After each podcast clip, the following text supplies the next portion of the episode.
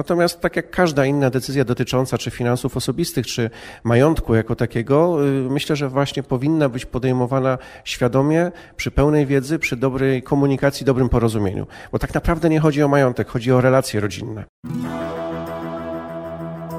Jak odnaleźć się w finansach? Jak sprawić, by pieniądze służyły realizacji naszych celów życiowych?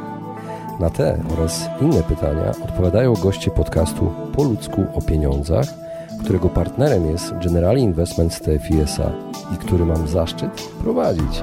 Nazywam się Radosław Budnicki, na co dzień prowadzę podcast Lepiej Teraz i nie jestem internetowym guru zarabiania, Rozmawiam tylko po ludzku o pieniądzach z ekspertami, którzy zrozumiałym językiem tłumaczą zawiłości finansów i to, jak sprawić, by pieniądze nam służyły, a nie nami rządziły. Serdecznie zapraszam.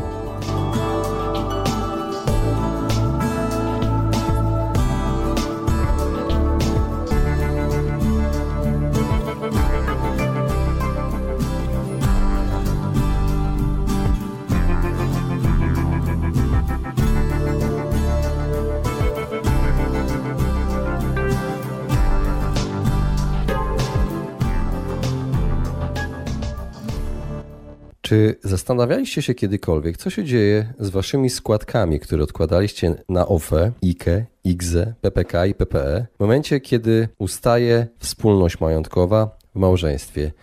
Na to pytanie i wiele innych zgodził się odpowiedzieć gość najnowszego odcinka podcastu Po ludzku o pieniądzach, Łukasz Martyniec. Serdecznie zapraszam do wysłuchania tego odcinka. Cześć Łukasz. Cześć, dzień dobry. Witam Cię serdecznie w podcaście Po ludzku o pieniądzach. Dzisiaj chciałbym porozmawiać z Tobą o intercyzie. No ale na początek chciałbym, żebyś przedstawił się y, słuchaczom. Dzień dobry, witam serdecznie. Nazywam się Łukasz Martyniec. E, z wykształcenia jestem prawnikiem, a z wykonywanego zawodu i z pasji doradcą sukcesyjnym. Czyli zajmuję się właśnie doradzaniem, e, w jaki sposób mądrze i w uporządkowany sposób zbudować, zarządzać swoim majątkiem i jak przekazać go z pokolenia na pokolenie. No powiedziałeś o pokolenie na pokolenie, ale też y, co zrobić y, z majątkiem, kiedy wchodzimy w związek małżeński.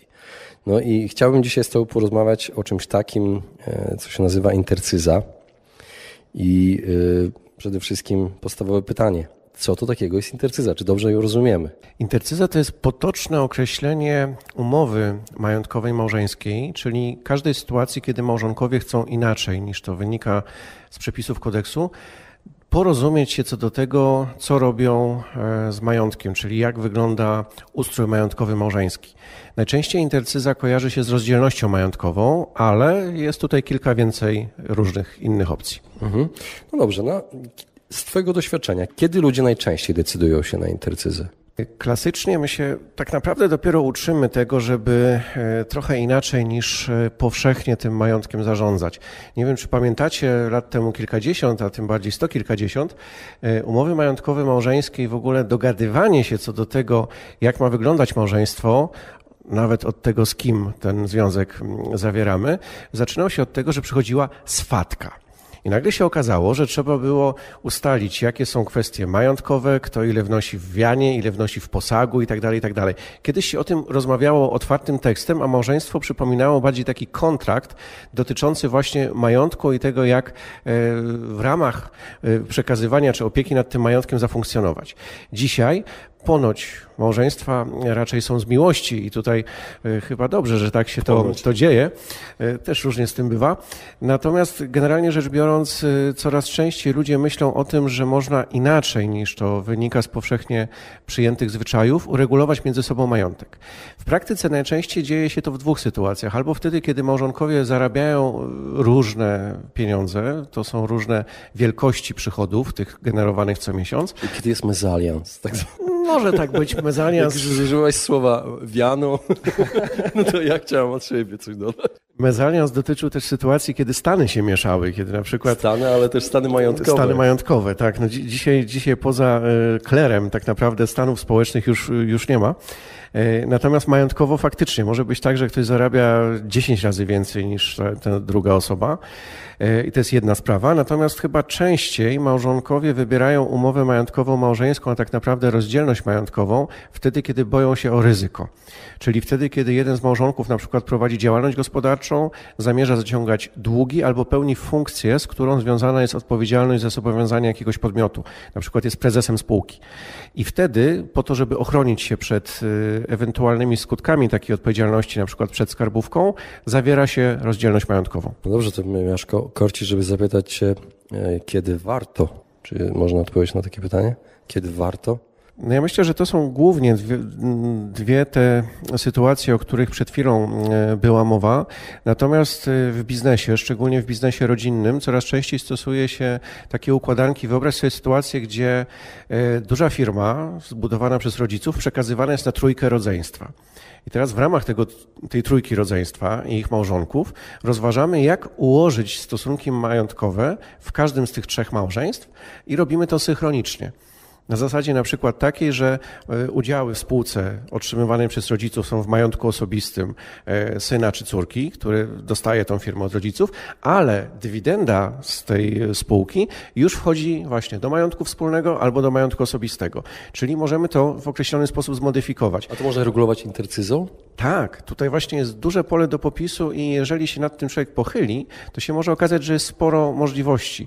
Przede wszystkim trzeba zacząć się zastanawiać nad tym, ok, no dobra, jakie są reguły ogólne, czyli od czego zaczniemy, co będzie, jeżeli takiej umowy majątkowej małżeńskiej nie podpiszemy. Jakie wtedy będą reguły? Może jak teraz słucham, to od razu przypomnę sobie serial Dynastia i te wszystkie Dokładnie, walki, bardzo, walki o majątek. Bardzo dobre skojarzenie, bo e, w świadomości powszechnej się od dynastii zaczęło. Ja pamiętam te, te kolejki, jeździliśmy na wczasy z rodzicami, ja wtedy byłem mały jeszcze i, i był telewizor jeden w świetlicy, e, w takim zakładowym ośrodku i tam całe kolejki były i dynastia była obowiązkowym elementem tak, i tam dnia. był ogromny majątek Carringtonów i były dzieci Carringtonów i pojawiły pojawiały się różne tam partnerki i partnerzy, którzy chcieli kawałek tego tortu tego ich teścia, prawda?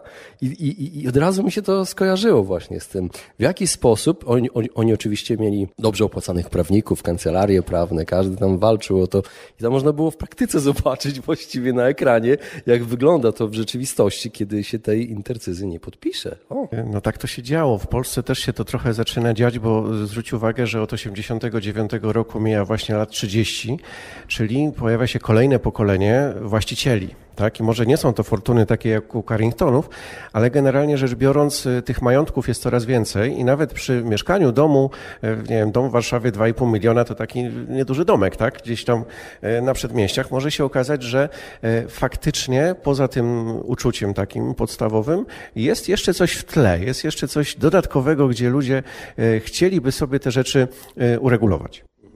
Dobrze, a powiedz, kiedy nie warto tej intercyzy podpisywać? Jest taka odpowiedź? E, wtedy, kiedy małżonkowie chcą mieć, ja to nazywam trochę po Bożemu, czyli tak jak wszyscy, tak jak Pan Bóg przykazał, e, wtedy, kiedy, e, zaznaczam, świadomie zdecydują się na to, że taki ustrój, ten powszechny, im pasuje, im odpowiada. I jeżeli to jest faktycznie przegadane, przemyślane przez nich i wchodzą w to świadomie ze wszystkimi konsekwencjami, to myślę, że warto. Natomiast tak jak każda inna decyzja dotycząca czy finansów osobistych, czy majątku jako takiego, myślę, że właśnie powinna być podejmowana świadomie, przy pełnej wiedzy, przy dobrej komunikacji, dobrym porozumieniu. Bo tak naprawdę nie chodzi o majątek, chodzi o relacje rodzinne. Zgadzam się z tobą, nie ma sensu tego oceniać. Ważne, ważne żeby była świadomość, tak. a nie, nie w emocjach podejmowane. Czy jest jeden rodzaj intercyzy? Kodeks y, rodzinny wyróżnia cztery możliwości. Najczęściej spotykana i taka potocznie przyjmowana intercyza to jest rozdzielność umowna. Czyli my y, przed ślubem jeszcze albo zaraz po ślubie ustalamy, że y, ta wspólność albo w ogóle nie powstanie, albo jeżeli powstała, to od dnia dzisiejszego przestaje obowiązywać. I teraz, jeżeli zrobimy rozdzielność majątkową, to każdy z małżonków ma oddzielny majątek. Owszem, może być majątek wspólny, ale jest to współwłasność y, w częściach ułamkowych regulowana przepisami kodeksu rodzinnego, a nie współwłasność taka do niepodzielnej ręki, to się tak ładnie po prawniczemu mówi, czyli właśnie ta kodeksowa dotycząca majątku wspólnego małżeńskiego, regulowana przez kodeks rodzinny i opiekuńczy. Jak podjąć decyzję o intercyzie? Kto może w tym pomóc? Czy tylko prawnicy się tym zajmują? Co do zasady tak. No przede wszystkim pamiętajmy, że jest to umowa... Swatka, Swatka e, swatki, o, to, był, to byłby ciekawy zawód. Ja się czasami czuję jako swatka, trochę, trochę pół żartem, pół serio, ale właśnie chodzi o to, żeby mm, pomóc w rodzinach podjąć te decyzje majątkowe i zrobić to e, dobrze. E, natomiast pamiętajcie, że umowa majątkowa małżeńska, intercyza, to jest akt notarialny, czyli na pewno musimy skorzystać z pomocy notariusza i notariusz jest najczęściej tą osobą, która te podstawowe informacje, tych podstawowych informacji udzieli. Czy to się podpisuje formalnie u notariusza? Formalnie u notariusza, tak, jako akt I notarialny. dwie osoby muszą być obecne przy Tak, tym, tak, tak, to wygląda, tak, tak, jacyś tak. świadkowie, czy nie? Nie, nie, nie, nie, nie, jest potrzebny. Tak jest, nie, nie jest potrzebny świadek. Nie jest potrzebny świadek. Wystarczy. E, Obok rozdzielności, jeszcze, jeszcze skończąc ten wątek, jakie, jakie są rodzaje mm, umów majątkowych małżeńskich, mamy jeszcze ograniczenie albo rozszerzenie wspólności. Generalnie zwróć uwagę, że jeżeli są małżonkowie i nie mają e, rozdzielności majątkowej, to tak naprawdę mamy trzy masy majątkowe. To, co nabyli przed ślubem, jedno i drugie, tak? czyli majątek osobisty żony, majątek osobisty męża, to są dwie oddzielne masy majątkowe i majątek wspólny, to tak jakbyś miał osobny worek albo pudełko z majątkiem i wszystko, co nabędziesz po ślubie, wpada do tego wspólnego worka. Jeżeli są zasady ogólne, tych mas majątkowych jest trzy. Generalnie przed ślubem, to co nabyliśmy jeszcze przed ślubem, albo to co nawet po ślubie otrzymamy od rodziców e, w drodze darowizny albo w spadku, to wchodzi do majątku osobistego. Jeżeli na przykład chcemy rozszerzyć majątek wspólny, to możemy właśnie poprzez umowę majątkową małżeńską spowodować, że coś, co było w majątku osobistym, albo coś, co w przyszłości będzie w majątku osobistym, będzie stanowiło wkład do majątku wspólnego. Możemy też ograniczyć, czyli z tego wspólnego worka coś wyjąć, przekazać do majątku osobistego. Mówiłem przedtem o przykładzie y, ze spółkami. Zobaczcie, jeżeli są y, udziały w spółce w majątku osobistym, to mm, przychody z takiej spółki, czyli dywidenda wypłacona, wchodzi do majątku wspólnego. Jeżeli masz lokatę w banku, pieniądze są z majątku osobistego, na przykład zarobione przed ślubem, odsetki jako pożytki z tego prawa, które jest twoje, Twoją własnością, też wchodzą do majątku wspólnego, stają się wspólne. Jeżeli w majątku osobistym masz mieszkanie, czynsz z tego mieszkania, jeżeli jest wyjmowany po ślubie, też wchodzi do majątku wspólnego. Ale mieszkanie nabyte przed ślubem, Jest Twoje. Jest Jest, tylko moje, w majątku osobistym. Czyli dopiero pożytki z tego. I teraz w zależności od tego, jeżeli na przykład te pożytki to są sp- spore kwoty pieniężne, to możemy się umówić, że y, na przykład wyjmiemy je z majątku wspólnego, przekażemy do majątku osobistego. I wtedy będziesz miał umowę majątkową ograniczającą wspólność majątkową małżeńską. Tutaj jest y, kilka opcji, przy czym y, no, powszechnie w Polsce się przyjmuje, że jedna umowa nie może być rozszerzająca, ograniczająca. Nie wiedzieć czemu, tak to wygląda od strony prawnej. Albo rozszerzasz, albo ograniczasz. Nie możesz y, jednego i drugiego. Ostatni rodzaj intercyzy, taki mniej e, popularny, to jest tak zwana rozdzielność z wyrównaniem dorobków. Polega to na tym, że w trakcie małżeństwa małżonkowie mają rozdzielność majątkową, czyli na przykład jedno nie odpowiada za drugi, dru- długi drugiego, nie musi chodzić do banku, podpisywać kredytów itd., itd. Ale w momencie, kiedy małżeństwo ustanie, ten małżonek, który zgromadził po ślubie większy dorobek, ma obowiązek wyrównać temu drugiemu różnicę na wniosek tego drugiego. To jest roszczenie dziedziczne, czyli może się okazać, że dochodzić takiego, takiej różnicy będą spadkobiercy, a nie małżonek na przykład po rozwodzie czy po ustaniu wspólności majątkowej małżeńskiej. Jest to coraz bardziej popularne mm, narzędzie y, właśnie między innymi w biznesie. Ja się głównie y, zajmuję biznesem i tam y, trzeba bardzo dokładnie taką umowę sprecyzować, ponieważ to, co mówi kodeks jest delikatnie mówiąc nieprzystające do większości sytuacji biznesowych. Na szczęście kodeks umożliwia małżonkom niemal dowolnie y, taką umowę sformułować. A y, w jakich sytuacjach y, intercyza daje największe bezpieczeństwo małżonkom? Klasycznie, tak, czyli rozdzielność majątkowa. Robimy sobie rozdzielność od momentu, kiedy ta rozdzielność jest. Nowe zobowiązania, które zaciągamy, już są osobiste tego małżonka, który zaciągnął zobowiązanie. Drugi małżonek nie musi się opowiadać, obawiać się o tego typu długi.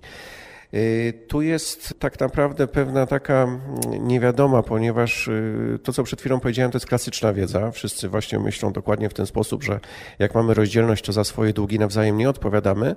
Natomiast kodeks rodzinny mówi w ten sposób, że za długi zaciągnięte w ramach potrzeb rodziny mimo nawet rozdzielności majątkowej, odpowiadają solidarnie oboje małżonkowie. Moja żona jest sędzią, sądzi w sądzie cywilnym we Wrocławiu. Pozdrawiam cię, Aniu. Między innymi sprawy właśnie dotyczące majątków małżeńskich. Miała na przykład sprawę, gdzie e, pan przy rozdzielności majątkowej zawarł umowę o zakup okien na budowę domu. Prywatnie mm, dom budowali, pan kupił okna za 70 czy tam 80 tysięcy złotych. E, I była kwestia rozszerzenia klauzuli odpowiedzialności za długi tak, na majątek małżonki. Jak najbardziej sąd wyraził zgodę, jest to mm, na potrzeby rodziny. Mimo, tak, że była rozdzielność. Mimo, że była rozdzielność. O, ciekawe. Także o tym, o tym warto pamiętać. Y, Oczywiście jest później kwestia, które zobowiązania były zaciągane na potrzeby rodziny, które nie, ale osób wydaje się, że to jest kompletne rozdzielenie, czyli że y, nie może być sytuacja, że, że, że te długi będą przenoszone w jakiś sposób. Później już po intercezji na drugiego małżonka. W pewnym sensie już odpowiedziałeś na moje drugie pytanie. Kiedy nie daje tego bezpieczeństwa, ludziom się wydaje, że daje. To jest właśnie ta sytuacja, o której mówiłeś. Tych sytuacji jest trochę więcej niestety, ponieważ jeżeli jeszcze popatrzymy nie tylko na zobowiązania cywilnoprawne, ale na przykład na to, co nam grozi e, ze strony Urzędu Skarbowego czy, czy no, ZUS, to jest jeszcze trochę inaczej traktowany. Natomiast przy mm, działalności gospodarczej, jeżeli drugi małżonek bądź inny domownik współpracuje z przedsiębiorcą i ma korzyści z tego związane, to też w granicach tych korzyści może być pociągnięty do odpowiedzialności niezależnie od czy to jest intercyza, niezależnie czy to jest nawet e, relacja małżeńska, bo były sytuacje, gdzie przedsiębiorca zalegający e, fiskusowi kupował, na przykład synowi kupił samochód. Przyszedł fiskus, zabrał synowi auto, bo wykazał, że syn współpracuje w firmie, pomaga ojcu i to auto było korzyścią, którą syn otrzymał w związku z prowadzoną działalnością ojca. No często się słyszy, że ktoś tam coś przepisał na żonę, zanim coś tam zrobił i to, to wcale nie ratuje, jak to się mówi. E, Jeżeli coś się zrobi, zanim się zaciągnie zobowiązanie, to tak. Tylko tutaj jest właśnie kwestia nie robienia tego na ostatnią chwilę, kiedy już wiemy, że komornik do nas zadzwoni, tylko takiego myślenia z wyprzedzeniem. I pod tym względem właśnie planowanie w ogóle zarządzania majątkiem, tak? bo to jest kwestia i w ogóle relacji, czy, czy ktoś jest w małżeństwie, czy nie, jaki ma ustrój majątkowy małżeński, jak buduje ten majątek, na kogo on jest kupowany, y, w jaki sposób są zaciągane zobowiązania, jak są poręczenia robione itd., itd. Tutaj jest szereg czynników, które powodują, że e, mamy albo nie mamy kontroli nad sytuacją i możemy bądź nie możemy się, że tak powiem, zdziwić. Dobrze, no to przejdźmy do y, spraw związanych z intercyzą i sprawami związanymi z produktami emerytalnymi. IKE, IGZE, teraz pojawiło się PPE, PPK i, i jak y, intercyza ma się do tych wszystkich produktów? Tutaj pamiętajmy, że przy tego typu umowach, y, tak samo jak przy umowie lokaty bankowej, tak, y, tak naprawdę mm, to nie jest tak jak mam, nie wiem, laptopa czy mam samochód, prawda? Y, To nie jest majątek, który jest bezpośrednio objęty majątkiem wspólnym. Tutaj mamy do czynienia z umową, czyli y, któryś z małżonków zawarł umowę z instytucją finansową. Pamiętajmy, że te formy, które wymieniłeś, IKX, PPE, PPK, one mogą być realizowane w różnych, y, przy współpracy z różnymi instytucjami finansowymi, No tak, prawda? To może być fundusz inwestycyjny. mieć, tak. E, Tak, ale to może być też zakład ubezpieczeń na życie, to mogą być różne formy.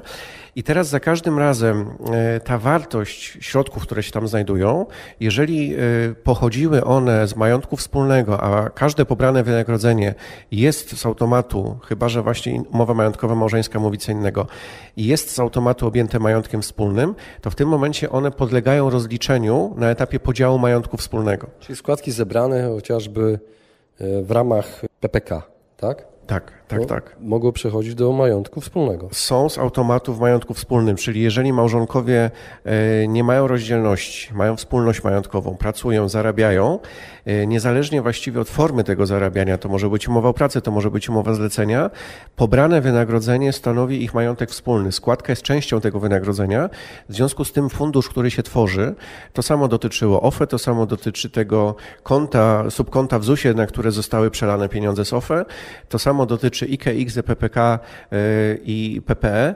To są pieniądze traktowane jako pieniądze wspólne. I teraz w sytuacji mm, ustania wspólności majątkowej małżeńskiej, czyli może być tak, że przez, ktoś przez 20 lat jest y, w małżeństwie, te, te dochody są gromadzone, te pieniądze y, w formach, które, o które pytasz, są oszczędzane i teraz nagle taka wspólność ustaje. Ona może ustać albo w sytuacji, kiedy właśnie po 20 latach zrobimy sobie rozdzielność majątkową, czyli już nie ma tej wspólności, jest współwłasność w częściach ułamkowych, albo w sytuacji separacji orzeczonej, w sytuacji rozwodu bądź w sytuacji śmierci jednego z małżonków. I teraz mamy do czynienia z tym, że jest takie domniemanie, że połowa tych środków, z tym, że co ważne, yy, powiedzmy, że małżonkowie nie mają 100 jednostek, tak? Na, na koncie męża jest 100 jednostek. To nie jest po 50, to jest po pół każdej jednostki.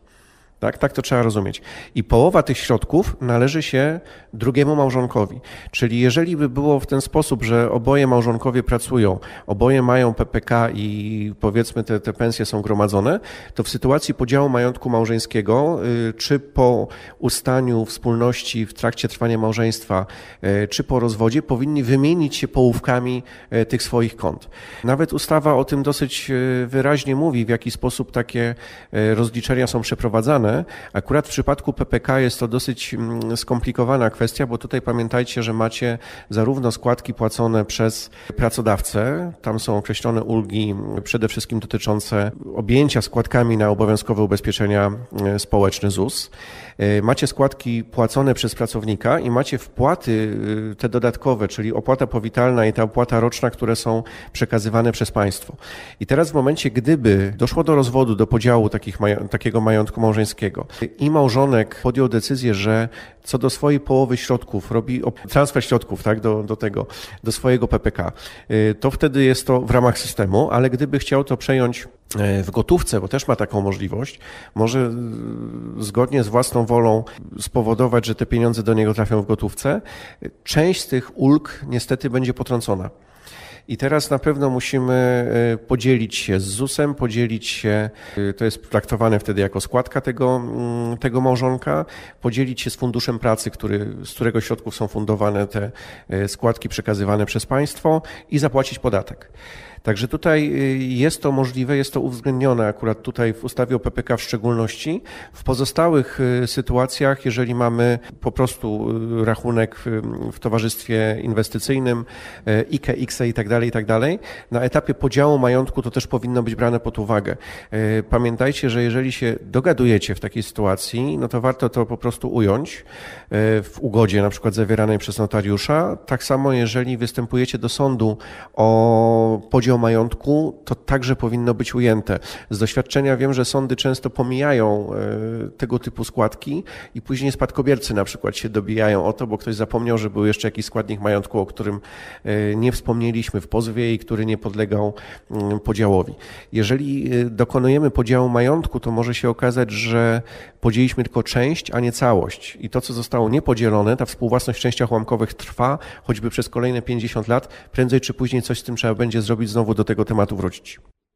A powiedz, jak to wpływa intercyza? Mamy intercyzę i jak to wpływa na naszą zdolność kredytową? Hmm, powiedzmy, staramy się o kredyt na mieszkanie jako małżeństwo. Jeżeli to jest kredyt y, na mieszkanie hipoteczny, y, wszystko zależy od tego, kto go bierze. Jeżeli go bierze jeden małżonek, tylko i wyłącznie on kupuje nieruchomość dla siebie, E, to najczęściej bank będzie e, sprawdzał jego osobistą zdolność kredytową.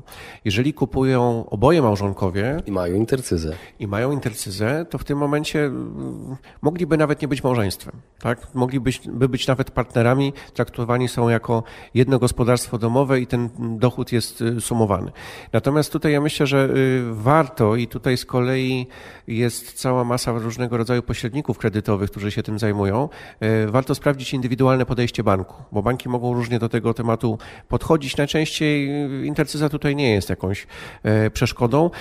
Innego rodzaju sytuacja jest wtedy, kiedy mamy kredyty gotówkowe, takie powiedzmy, czy, czy, czy teraz te, te chwilówki tak zwane, tak, to są jeszcze osobne rzeczy. Generalnie jest tak, że mm, nie możemy zaciągnąć zobowiązania bez zgody drugiego małżonka. I różne instytucje finansowe mają swoją własną E, politykę w tym zakresie. Jedne mówią, że na przykład do 20 tysięcy złotych można, powyżej trzeba mieć zgodę małżonka, inni do 60 tysięcy można, powyżej trzeba mieć zgodę małżonka. I później ewentualnie w razie sporu, mm, chodzi głównie o egzekucję środków i później dostęp do majątku tego małżonka, e, sąd będzie oceniał, tak, czy, czy ta zgoda małżonka w konkretnej sytuacji była, czy nie była wymagana. Więc e, tutaj cóż, no przy rozdzielności majątkowej mamy jasność, tak, każdy patrzy na swój przychód i to jest jego zdolność kredytowa. Przy majątku wspólnym którym brane są pod uwagę obie pensje, natomiast y, bank będzie żądał najczęściej zgody tego drugiego małżonka, a bez zgody no, przy takich mniejszych kwotach, tak, czyli najczęściej te właśnie 20, 50 tysięcy, 60 tysięcy to jest taka górna granica. Co poruszyłeś temat bardzo taki y, czuły, bym powiedział, społecznie, bo często się słyszy właśnie o takich o takich sytuacjach, że wbrew któremuś małżonkowi ktoś zaciąga, zadłuża rodzinę i, i to powoduje potem problemy wewnątrz rodziny i, i rozwody później też.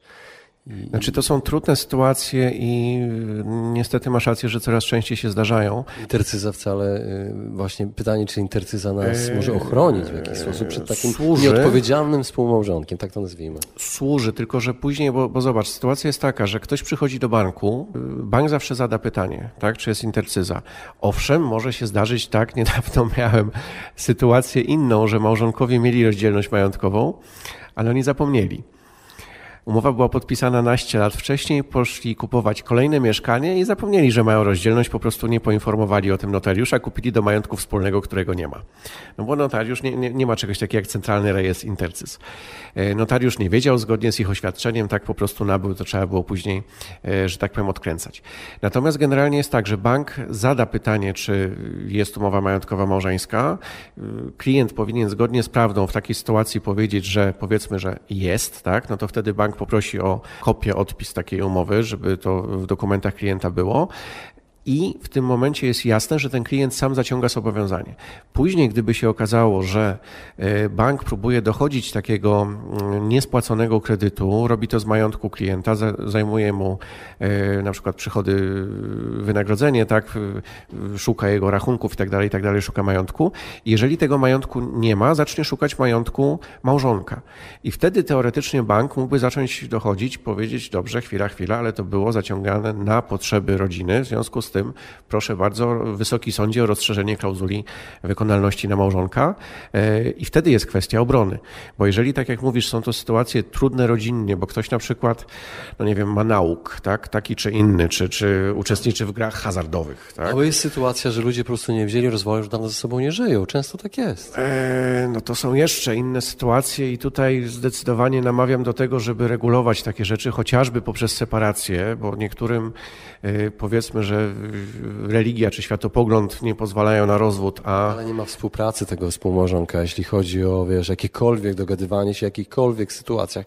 No są takie rzeczy. Na pewno ktoś, są... kto słucha, słyszał o takim, ma w rodzinie taką, taką sytuację. Zdarza trudną. się tak, tylko separację dużo łatwiej uzyskać niż rozwód. Mało tego, gdyby się okazało, że małżonek y, zaciąga takie zobowiązania na szkodę rodziny, prawda?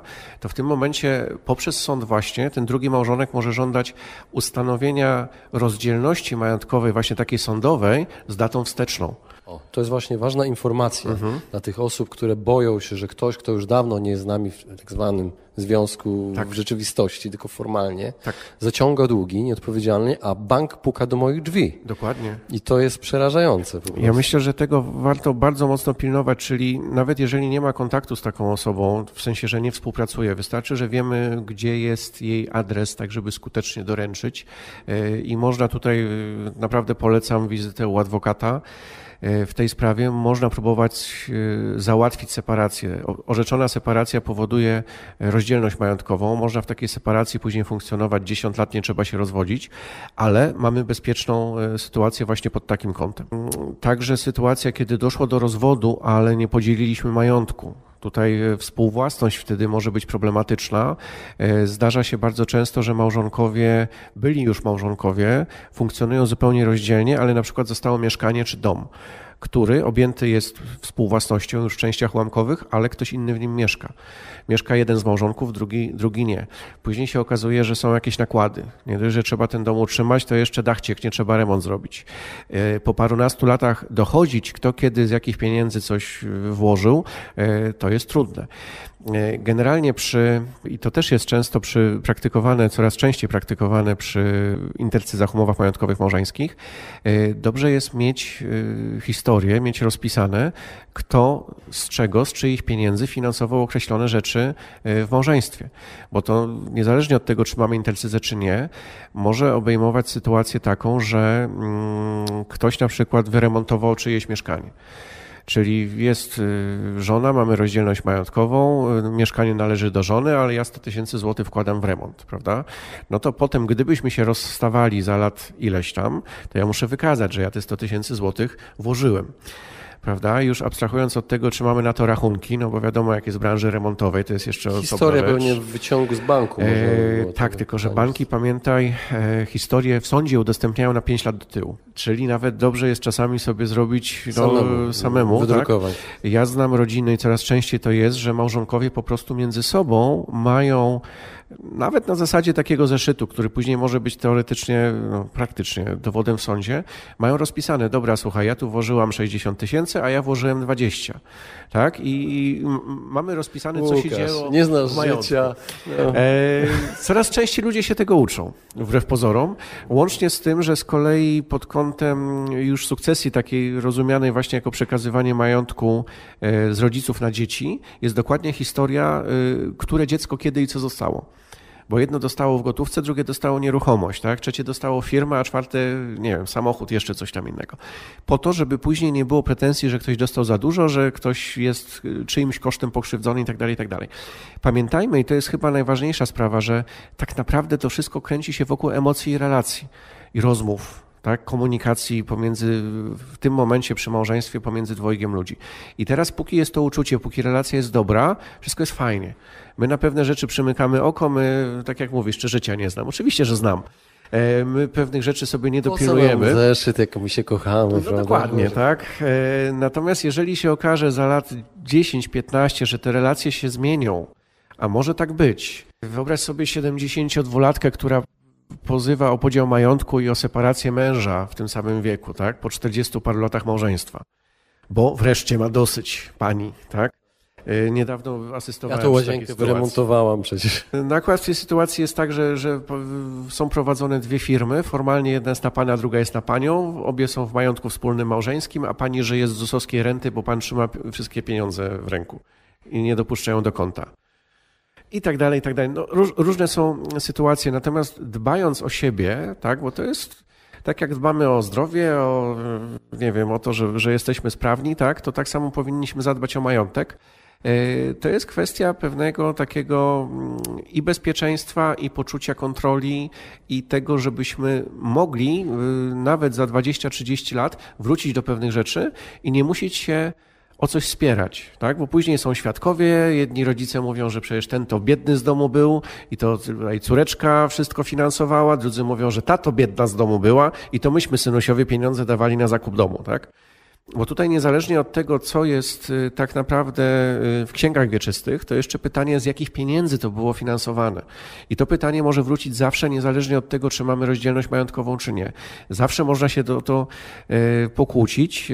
Podobne rozterki są pomiędzy partnerami, tam gdzie nie ma małżeństwa, a są różnego rodzaju nakłady z jednego majątku na drugi majątek. Także są to sprawy mm, skomplikowane, trudne. Często w sądach, kiedy już jest sprawa na etapie sądu, tak naprawdę tam no, chodzi o relacje, tak? Majątek dostaje trochę rykoszetem, majątek dostaje, no bo żeby było co się pokłócić, prawda? No to bierzemy adwokata i ja ci teraz nie odpuszczę aż do śmierci, tak? To są tego typu e, argumentacje czy motywacje, tak? Natomiast y, chodzi o to, że jeżeli od początku się nauczymy o tych tematach otwarcie rozmawiać i zachowamy pewną taką wzajemną, dobrą relację, łącznie z udokumentowaniem pewnych rzeczy, to później jest łatwiej. Później trudniej też, y, no przepraszam, udawać idiotę, że, że, że jest i mówić, że jest inaczej niż było faktycznie, prawda? Także mm, zalecam przede wszystkim rozmowy i y, no, taki wzajemny szacunek, żeby dokumenty odpowiadały faktycznie naszym zamiarom i prawdzie, żeby pilnować tego, jak ten majątek jest budowany, na jakim etapie kto ile włożył, nie tylko pieniędzy, ale też pracy, staranności, tak? Nie tylko pracy rozumianej jako faktyczne zarabianie, ale też pracy takiej, że nie wiem, on zarabia, ona się zajmuje domem, albo odwrotnie, tak? Bo coraz częściej też jest odwrotnie. E, I, I bardzo dobrze. I chodzi o to, żeby w ogóle w związku także o tych sprawach mówić i mieć pewną staranność. Miałem w sumie do Ciebie pytanie, co się dzieje z majątkiem, którego nabycie rozpoczęło się przed ślubem, a sfinalizowanie po ślubie, czyli na przykład e, kupno ziemi przed, budowa domu po. Ale chyba już po części odpowiedziałeś na to. Y, po części tak, tylko tutaj ja mówiłem bardziej o y, nakładach, czyli o środkach finansowych, a ta sytuacja, o której mówisz, Mam za sobą kilkaset już będzie konferencji e, w dużej mierze z przedsiębiorcami i jak, kiedy wchodzi temat dotyczący e, nieruchomości, to e, tak jak siedzi na sali czasami setka osób i opowiadam ten przykład, to tak widzę. Ten zbladł, ten czerwony, tak? Okazuje się, że to jest jeszcze rzymska zasada superficies solocedit, czyli to, co jest na gruncie, jest właściciela gruntu. Czyli jeżeli mówiąc wprost, na działce wybudujesz dom, garaż, basen, tak, postawi, posadzisz drzewo, to należy do właściciela gruntu. Czyli jeżeli y, jeden z małżonków przed ślubem jeszcze nabył działkę, po ślubie zamiast za wspólnie zarobione pieniądze wybudowali dom, no to dom jest właściciela działki w całości. Czyli może bez wiedzy i zgody drugiego małżonka tym domem dowolnie dysponować. I później jest chwila, to co, to ja nie mieszkam u siebie? To ja mieszkam u żony albo u męża, tak? To jest właśnie powód do rozszerzenia wspólności majątkowej małżeńskiej, żeby ten stan, y, powiedzmy, faktyczny spowodować, że będzie taki sam jak formalny, żeby ten stan formalny mm, dostosować do tego, co się faktycznie historycznie działo. I teraz y, pamiętajcie, że to, co wybudujecie na nieruchomości, y, tak, bo będzie budowa nowego domu, rozbudowa dotychczasowego domu, należy do właściciela działki. Później e, na etapie podziału, e, owszem, są rozliczenia, no ale trzeba udowodnić, tak, kto, kiedy, jakie pieniądze, według jakich wartości, jak to dzisiaj wyceniać. To są trudne sprawy. Jak jest z odpowiedzialnością za długi współmałżonka przy intercyzie? Czy rzeczywiście tak bardzo chroni? Ta intercyza? Co do zasady tak, jeżeli ją się zawrze e, przed sytuacją, kiedy te długi powstają, tak? I poza Czyli właśnie... nie na ostatnią chwilę, nie. Nie, nie, nie, nie, na ostatnią chwilę. Pamiętaj, że jest jeszcze coś takiego jak skarga pauliańska. Jak? Skarga pauliańska. To też jest instytucja prawa Mógłbyś rzymskiego. to przeliterować? Skarga pauliańska. Pauliańska? Tak. Jak Paul, tak? E, od Paula. Paula. Chodzi o co, że jeżeli ja wiem, że jestem komuś winien pieniądze i za darmo, najczęściej dla osób najbliższych, pozbywam się majątku, Czyli na przykład robię rozdzielność majątkową i robię podział majątku. Tak? Pamiętajmy, że jeżeli zrobię rozdzielność majątkową, to to, co było nabyte między dniem ślubu a dniem rozdzielności i stanowiło do tej pory wspólność majątkową małżeńską, z automatu dzieli się po jednej drugiej jest współwłasność w częściach ułamkowych. Czyli ja muszę, dalej mamy majątek wspólny, tak? Ja muszę dodatkowo podzielić ten majątek i najczęściej wtedy jako drugą czynność prawną e, dzielę go w taki sposób, że całość bez e, spłat i dopłat przekazuję małżonce żeby właśnie uciec odpowiedzialnością za długi spadkowe. Bądź daje synowi, czy córce, tak, darowizną, czy teściowej niektórzy dają, tak? Też się tak zdarza. Hardkorowa wersja. No, czasami trzeba uciekać z tym majątkiem. I teraz, jeżeli coś takiego zrobimy, a wierzyciel, e, czy to będzie bank, czy to będzie wierzyciel prywatny, to może być kasyno, tak? E, wykaże, że myśmy to zrobili e, w taki sposób, że to było nieodpłatne, albo porażąco tam za złotówkę sprzedałem, tak? Porażąco zaniżonej cenie. I ten drugi, który wiedział, a osoby najbliższe jest domniemanie, że wiedzą, że ja to robię z pokrzywdzeniem wierzycieli, to może tą czynność ubezskutecznić. Czyli może spowodować, że w stosunku do tego wierzyciela ona nie wywoła skutków prawnych, czyli może dalej prowadzić egzekucję na przykład z tej nieruchomości, którą przekazałem po podziale małżonku, yy, majątku małżeńskiego żonie. I teraz, jeżeli yy, coś robimy na ostatnią chwilę, ta odpowiedzialność się pojawi, zwróć uwagę, to może być odpowiedzialność wynikająca z umowy, bo wziąłem kredyt i go nie spłacam, tak? bo zamówiłem trzy tiry towaru i go nie spłacam, ale to może być odpowiedzialność deliktowa tak zwana, czyli e, ja jako członek zarządu ponoszę odpowiedzialność za e, jakieś działania tej spółki, tak? czy za działania e, firmy, którą prowadzę. I teraz może powstać tak zwany delikt, prawda? Czyli ja coś źle zrobiłem, podjąłem jakąś złą decyzję biznesową i właściciel tej spółki mnie za to ściga. Ja ponoszę odpowiedzialność za to. I w tym momencie też byłoby to do przeniesienia na majątek wspólny.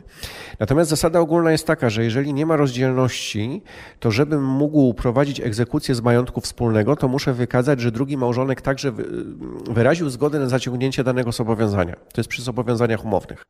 Czyli stąd, jeżeli ktoś ma na przykład działalność gospodarczą, to banki proszą, żeby drugi małżonek był obecny i podpisał umowę.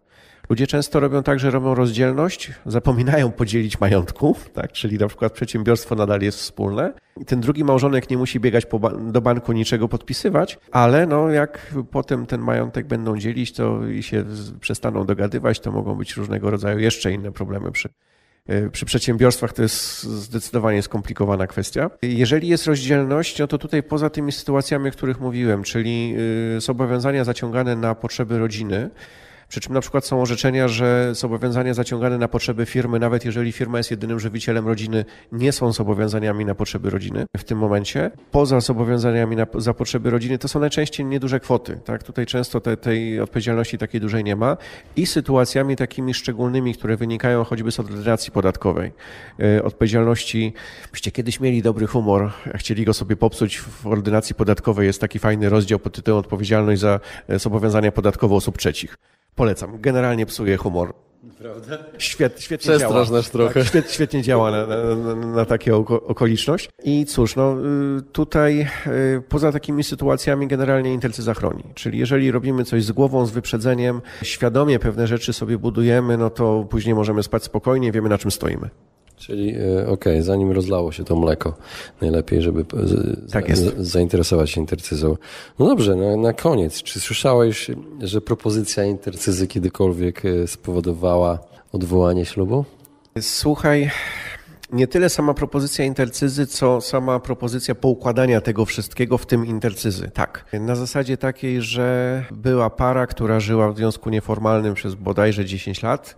I jak chcieli te sprawy uregulować, to w pewnym momencie pani jednak stwierdziła, że nie Natomiast powiem Ci odwrotnie. Dużo częściej intercyza powodowała, że jednak ludzie się pobierali. Wyobraź sobie, że wiele osób funkcjonuje w takim stanie świadomości, że myślą, że jak się pobiorą, no to nie mogą mieć rozdzielności majątkowej. Prawda? I nie, nie biorą ślubu no, z różnych przyczyn y, finansowych finansowych, tak, wynikających z odpowiedzialności, wynikających z tego, że e, są po trudnych doświadczeniach e, rozwodu, e, podziału majątku małżeńskiego z poprzednich związków i nie chcą tego powtarzać. Natomiast, cóż, no, zdecydowana większość rzeczy pomimo wszystko w polskim prawie jest do uregulowania, pomimo tego, że nie jest ono doskonałe, ale no, myślę, że dla chcącego i dobrego prawnika, który w tych tematach się porusza, to jest, to jest do zrobienia. Łukasz, to jest temat rzeka. Bardzo Ci dziękuję za te odpowiedzi. Na koniec, dla osób, które czują taki niedosyt informacji, czy mógłbyś podać jakieś źródła, do których można sięgnąć, żeby dowiedzieć się czegoś więcej? Tak, ja myślę, że tutaj jest y, szereg y, informacji y, w internecie. Jest coraz więcej, no nie wiem, chyba czy, czy są jakieś takie poradniki przystępne dla, dla nieprawników, że tak powiem. Bardzo Ci dziękuję za tę rozmowę. Mam nadzieję, że jeszcze wystąpisz w moim podcaście. Też mam taką nadzieję. Bardzo dziękuję. Dzięki.